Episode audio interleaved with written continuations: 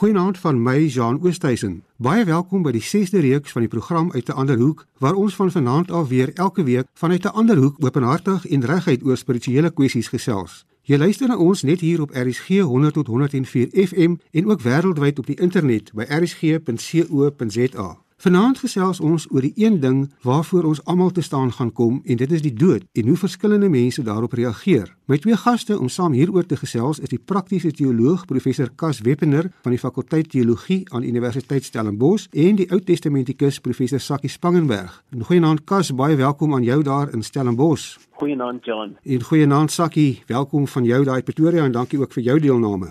Goeienaand Jan. Kas, kom ek begin by jou. Die dood is 'n feit soos 'n koei, dit weet ons almal en in hierdie tyd van die koronavirus het die werklikheid van die dood opnuut voor ons almal kom staan. Maar tog bly die dood 'n moeilike onderwerp om oor te praat. Ek weet Anton van Niekerk verwys in een van sy boeke daarna as die taboe van ons tyd. Waarom dink jy sukkel ons so om die dood in die oë te kyk? Is dit vrees vir die dood of onsekerheid of wat is dit? Jan, weet jy, ek dink daar is 'n hele boel redes oor hoekom ons bang is om die dood in die oë te kyk. Ek dink dit kan op 'n basiese vlak is dit gewone pretbederwer om daaroor te gesels. Mense is bang, mense is onseker. Ek dink ouer mense is nie so seer bang vir die dood nie. Hulle is bang vir die hoe van hoe gaan dit gebeur. Myns insiens lê dit in ons eie tydsgewig ook op 'n dieper vlak. Kyk, die meeste dinge in die lewe dink ons het ons uitgesorteer, soos pokke en masels ensovoorts. COVID het ons nou 'n bietjie op ons plek geserveer en dan is die dood amper 'n soort van 'n verleentheid. Jy weet, ons het 'n klomp goed uitgesorteer, maar hier's nou een ding wat ons nou nog nie onder die knie gekry het. Veral in 'n suksesgedrewe kultuur is dit 'n ding. Anton van Niekerk soos jy na verwys in sy boek, verwys hy ook daarna. En as ek mag byvoeg, dit is tog belangrik dat ons wel daaroor gesels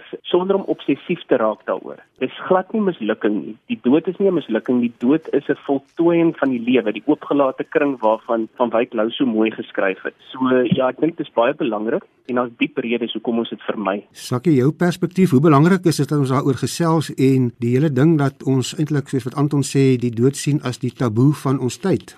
Ja, Jean, ek dink ouer mense praat dalk makliker oor die dood as jonger mense omdat die lewe vir hulle uh, nog voor lê en ek dink die dood word vir ons 'n probleem veral as jonger mense doodgaan en ook uh, wanneer daar onnatuurlike sterftes na vore kom. Ek ek dink dit is veral wat wat mense pla. Jy weet as mense op onnatuurlike wyse sterf, jy weet ook jong sterf. Byvoorbeeld hierdie gebeure hier bo by ons nou onlangs weer hier waar wat twee jong mense onskuldig doodgeskiet word. Jy weet ek dink dit dit vat aan 'n mense se lyf en dan is dit nie maklik om oor dood te praat. Uh, maar ek dink as 'n mens ouer word en jy die lewe deurleef het, dan is dit makliker om oor dood en doodgaan te praat. Kas een van die dinge wat gekenmerk word aan wanneer iemand sterf, is die ritueel daaraan verbonde en daar's verskillende rituele wanneer iemand doodgaan. Is dit 'n manier om afskeid te neem en uh, dit verskil van gelang na mense se geloof of kultuur, maar hoe belangrik is hierdie rituele dink jy om afskeid te neem wanneer 'n geliefde sterf? Weet jy John, dit help ons op verskillende vlakke. Daar's baie verklaringe oor byvoorbeeld waar hierdie soort rituele vandaan kom. Die een is, as ek dit net mag byvoeg, dat mense in lewenssituasies kom wat hulle nie weet wat om te doen nie, maar hulle beleef hulle moet iets doen. En wat hulle dan doen is, hulle doen iets totdat hulle iets doen wat hulle beleef as sinvol dan doen hulle dit weer, hulle begin dit later herhaal en daar kom hierdie rituele vandaan en byvoorbeeld rondom die dood, as die dood ons tref, sakkie het nou verwys sê byvoorbeeld as jong mense sterf, dis absolute chaos. Die hele lewe breek uitmekaar uit vir 'n klomp mense. Dis regtig 'n fragmentasie en soveel 'n warboel emosies en alles. Daai 'n goeie ritueel by die dood kan ons help om byvoorbeeld al daai emosies op 'n manier te struktureer, bymekaar te vat en te te kanaliseer. 'n Ander ding byvoorbeeld is rituele help ons om om nou nie elke keer as ons in 'n situasie kom alles weer nuut uit te dink. Byvoorbeeld as ons by 'n tafel gaan sit en eet, sê in 'n huisgesin, dan het almal hulle stoel.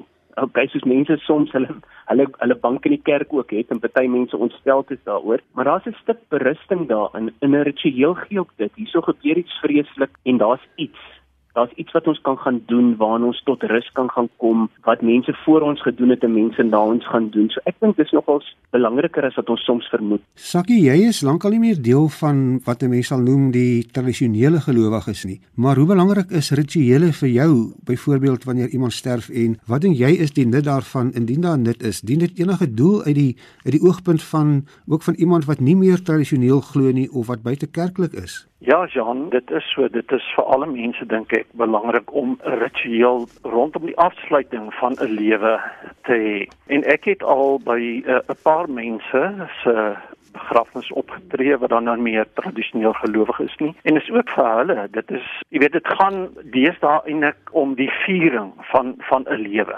Dis wat ek by by sulke mense beleef. Jy weet dit gaan nie meer om, jy weet, uh een of ander troosboodskap nie, maar daar word gesê kom ons vier hierdie persoon wat lank gelewe het. Kom ons vier sy lewe en wees dankbaar vir wat hy of sy in haar lewe vir ander mense beteken het. So daar daar moet 'n uh, vir my is is so 'n soort ritueel uh, inderdaad baie belangrik om 'n lewe af te sluit. Kas stem jy saam? Rituele is nie noodwendig of sou jy ook sê dis nie noodwendig net vir gelowiges of het net met 'n geloof te doen nie. Vir sommiges miskien wel, maar daar is ook mense wat nie aan 'n geloof behoort nie wat steeds nut het uit sulke rituele. Ongetwyfeld. Ek sien uh soveel mense wat wat hulle self glad nie as gelowiges sal definieer nie wat nog selfs by tradisionele kerke aanklop en selfs 'n tradisionele begrafnisdiens met die formulier en daai soort simboliek vra en wil hê. As ek 'n voetnota hier mag byvoeg, dink ek rituele is baie belangrik. Ons is nou baie positief daaroor, maar ons moet ook versigtig wees. Dis mensgemaakte goed. Hulle kan skeefloop en ons moet hulle gereeld herformuleer en herbedink in die lig van ons teologie,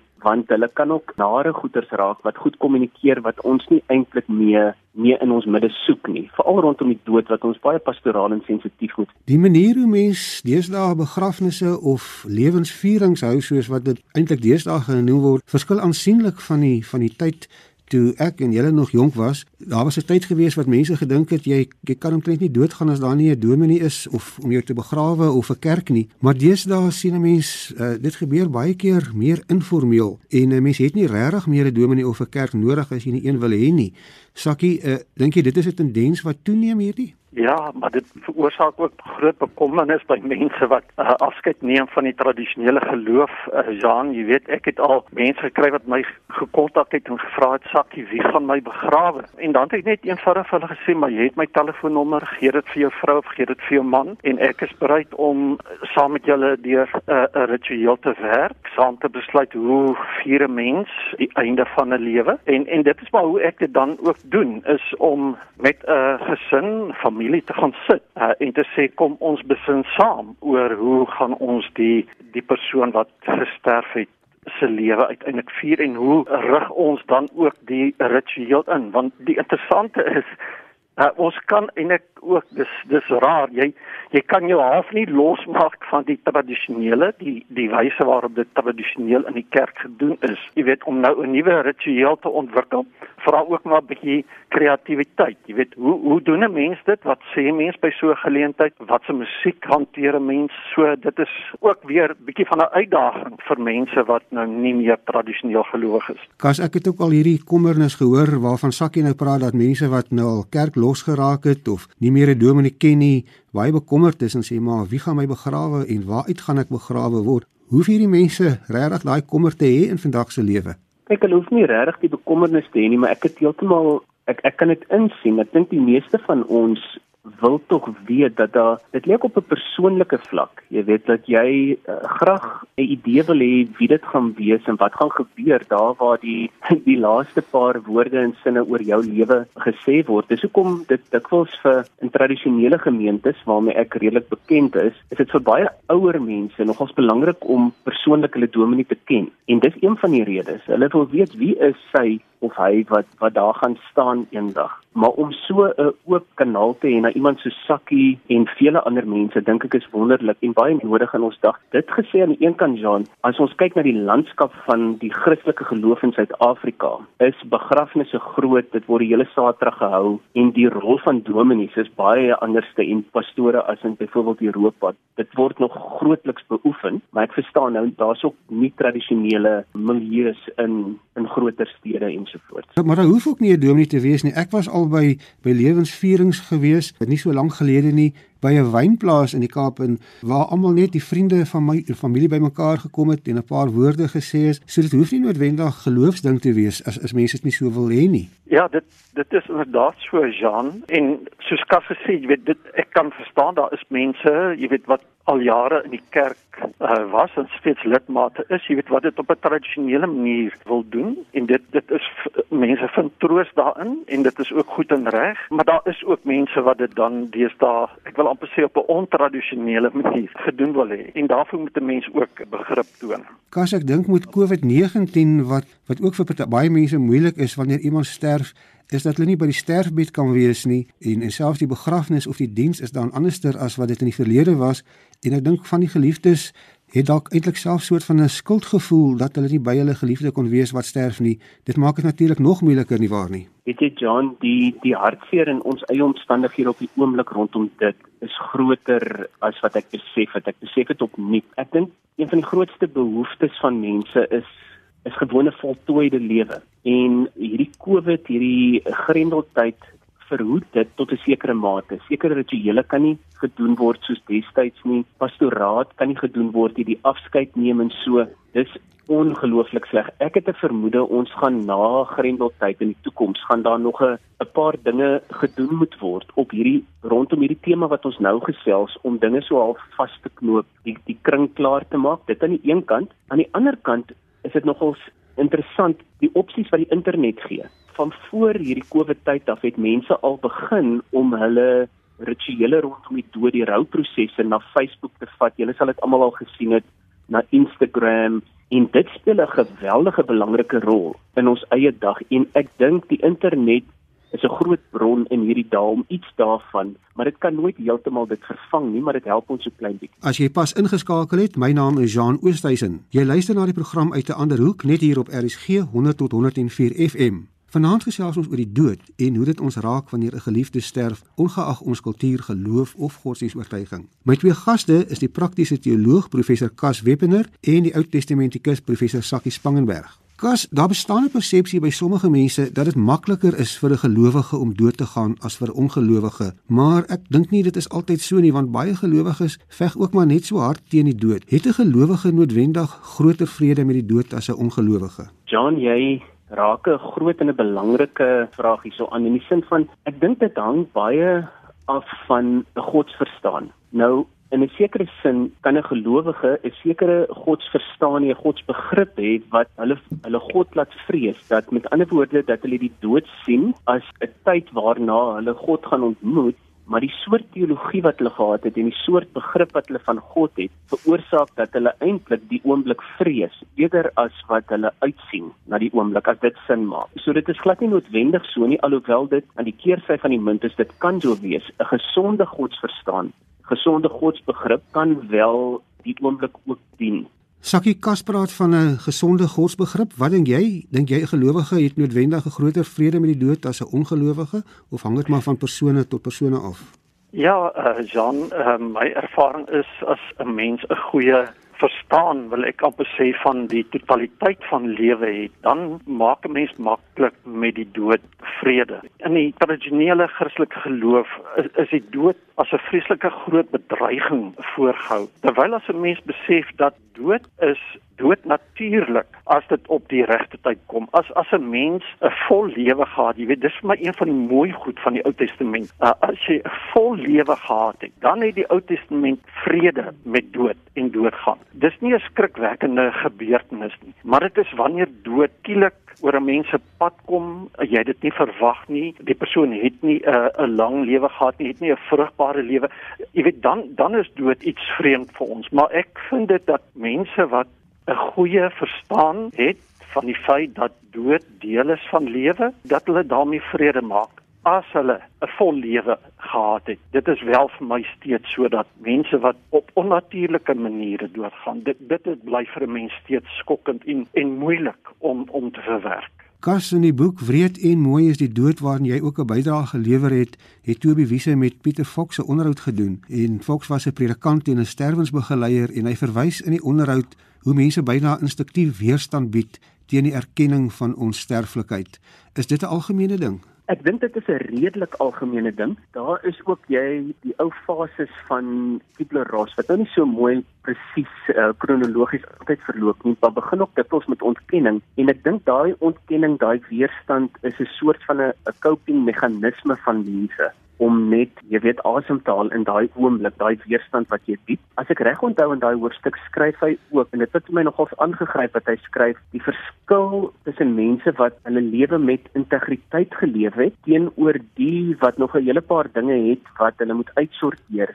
Hoe verskil hulle in daai weerstand bied en in die sterwensproses? En hy wys daarop op 'n fantastiese wyse wys hy hoe die mense wat met integriteit geleef het minder weerstand en dan die lewe voltooi in die dood. Ek wil graag vir albei van julle 'n bietjie meer van 'n teologiese vraag vra en dit is ons leer in die kerk die dood is die loon van die sonde. Dit is met ander woorde nie 'n natuurlike verskynsel nie en sakke jy het nou-nou daarna verwys dat dit wel 'n natuurlike verskynsel is, maar nou leer 'n mens dit is die gevolg van die sondeval. Kan ons regtig in 2020 nog glo die dood is die loon van een of ander sonde in die paradys? Sakkie terwyl ons weet dit is 'n natuurlike verskynsel. Ja, Jan, ek het daarvan afskeid geneem want dit juis plaas soveel druk op mense ook. Jy weet, as hulle dan nou uh, 'n uh, geliefde aan die dood moet afstaan en hierdie geliefde het op 'n onnatuurlike manier doodgaan, dan beleef hulle dit as straf. Terwyl ons moet wegkom van die idee dat dood straf is.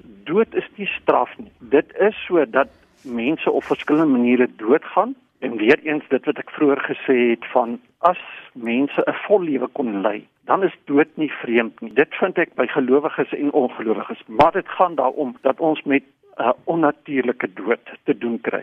En ek vind daar dat mense wat binne die tradisionele Christelike geloof staan, dikwels met hierdie onnatuurlike dood nie kan vrede maak want hulle beleef dit as een of ander straf. Jy weet, straf God my nou of straf hy nou die een wat dood gegaan het uh, en ek wil wegkom van daardie idee van dood as straf. Kas die hele ding van straf, wat dink jy is die dood die straf op een of ander sonde? Ek dink Sakkie het baie goed geantwoord in daai opsig en dat dit teologies baie problematies geraak het oor die jare. Ek dink daar's ook 'n interpretasielyn rondom die teksverwysing wat jy gehad het dat daardie dood waarna verwys is word soms nie noodwendige biologiese dood is nie, maar dat 'n sekere verstaan van sonde 'n mens lank voordat jy biologies gesterf het kan doodmaak as dit sin maak. So in daai opsig is is dit weer 'n ander lyn, maar om 'n direkte kausaliteit verband tussen die die die die die loon van die sonde en die dood te trek, dink ek is nie ideaal in ons tyd nie. Terug na COVID-19 toe die die pandemie het ons almal op bewus gemaak dink ek van ons weerloosheid en dit onderstreep ook ons almal se eindigheid. En dit bring 'n mens dan onwillekeurig by die vraag of die dood inderdaad die einde is. Nou ons weet vir sommige mense is dit genoeg om te aanvaar die lewe op aarde is al wat ons het, die hier en die nou. Lina Spies praat byvoorbeeld van hier nou maals in plaas van in plaas van hier na maals, terwyl ander mense steeds vasklou aan die belofte van 'n ewige lewe na die dood.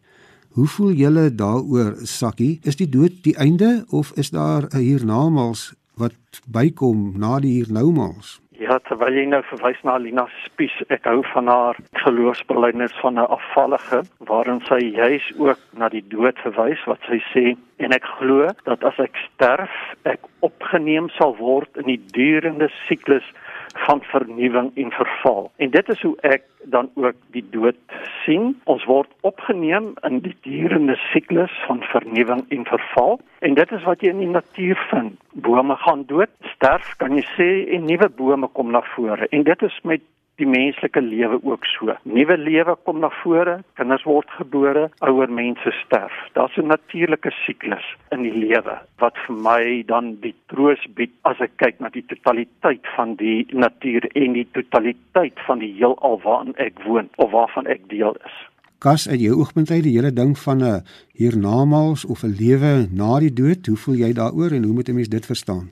Jan, ek gaan my hier beroep op simboliek in die liturgie. In baie van die ouer hoër liturgiese tradisies word begrafnisliturgie begin by die doopvond. En die gedagtegoed daar is dan in lyn met tekste soos Romeine 6 dat die dat die persoon wat wie se begrafnis is dit is het eintlik met sy of haar doop al gesterf en dit toon dan eintlik aan dat daardie die siklus van die lewe voltooi word die lewe wat in God begin word in die doop word voltooi ook in die dood soms word doopfonde dan ook dis my baie mooi in die vorm van 'n doodskus gebou wat dieselfde kommunikeer. So my my verstaan daarvan is dat die dood is die voltooiing van 'n reis na God toe. My verstaan daarvan is dat die dood verseker nie 'n einde is nie en dat die dood die voltooiing van 'n lewe is wat 'n voltooiing van 'n lewe in en met God is. Deel word van die groot misterie.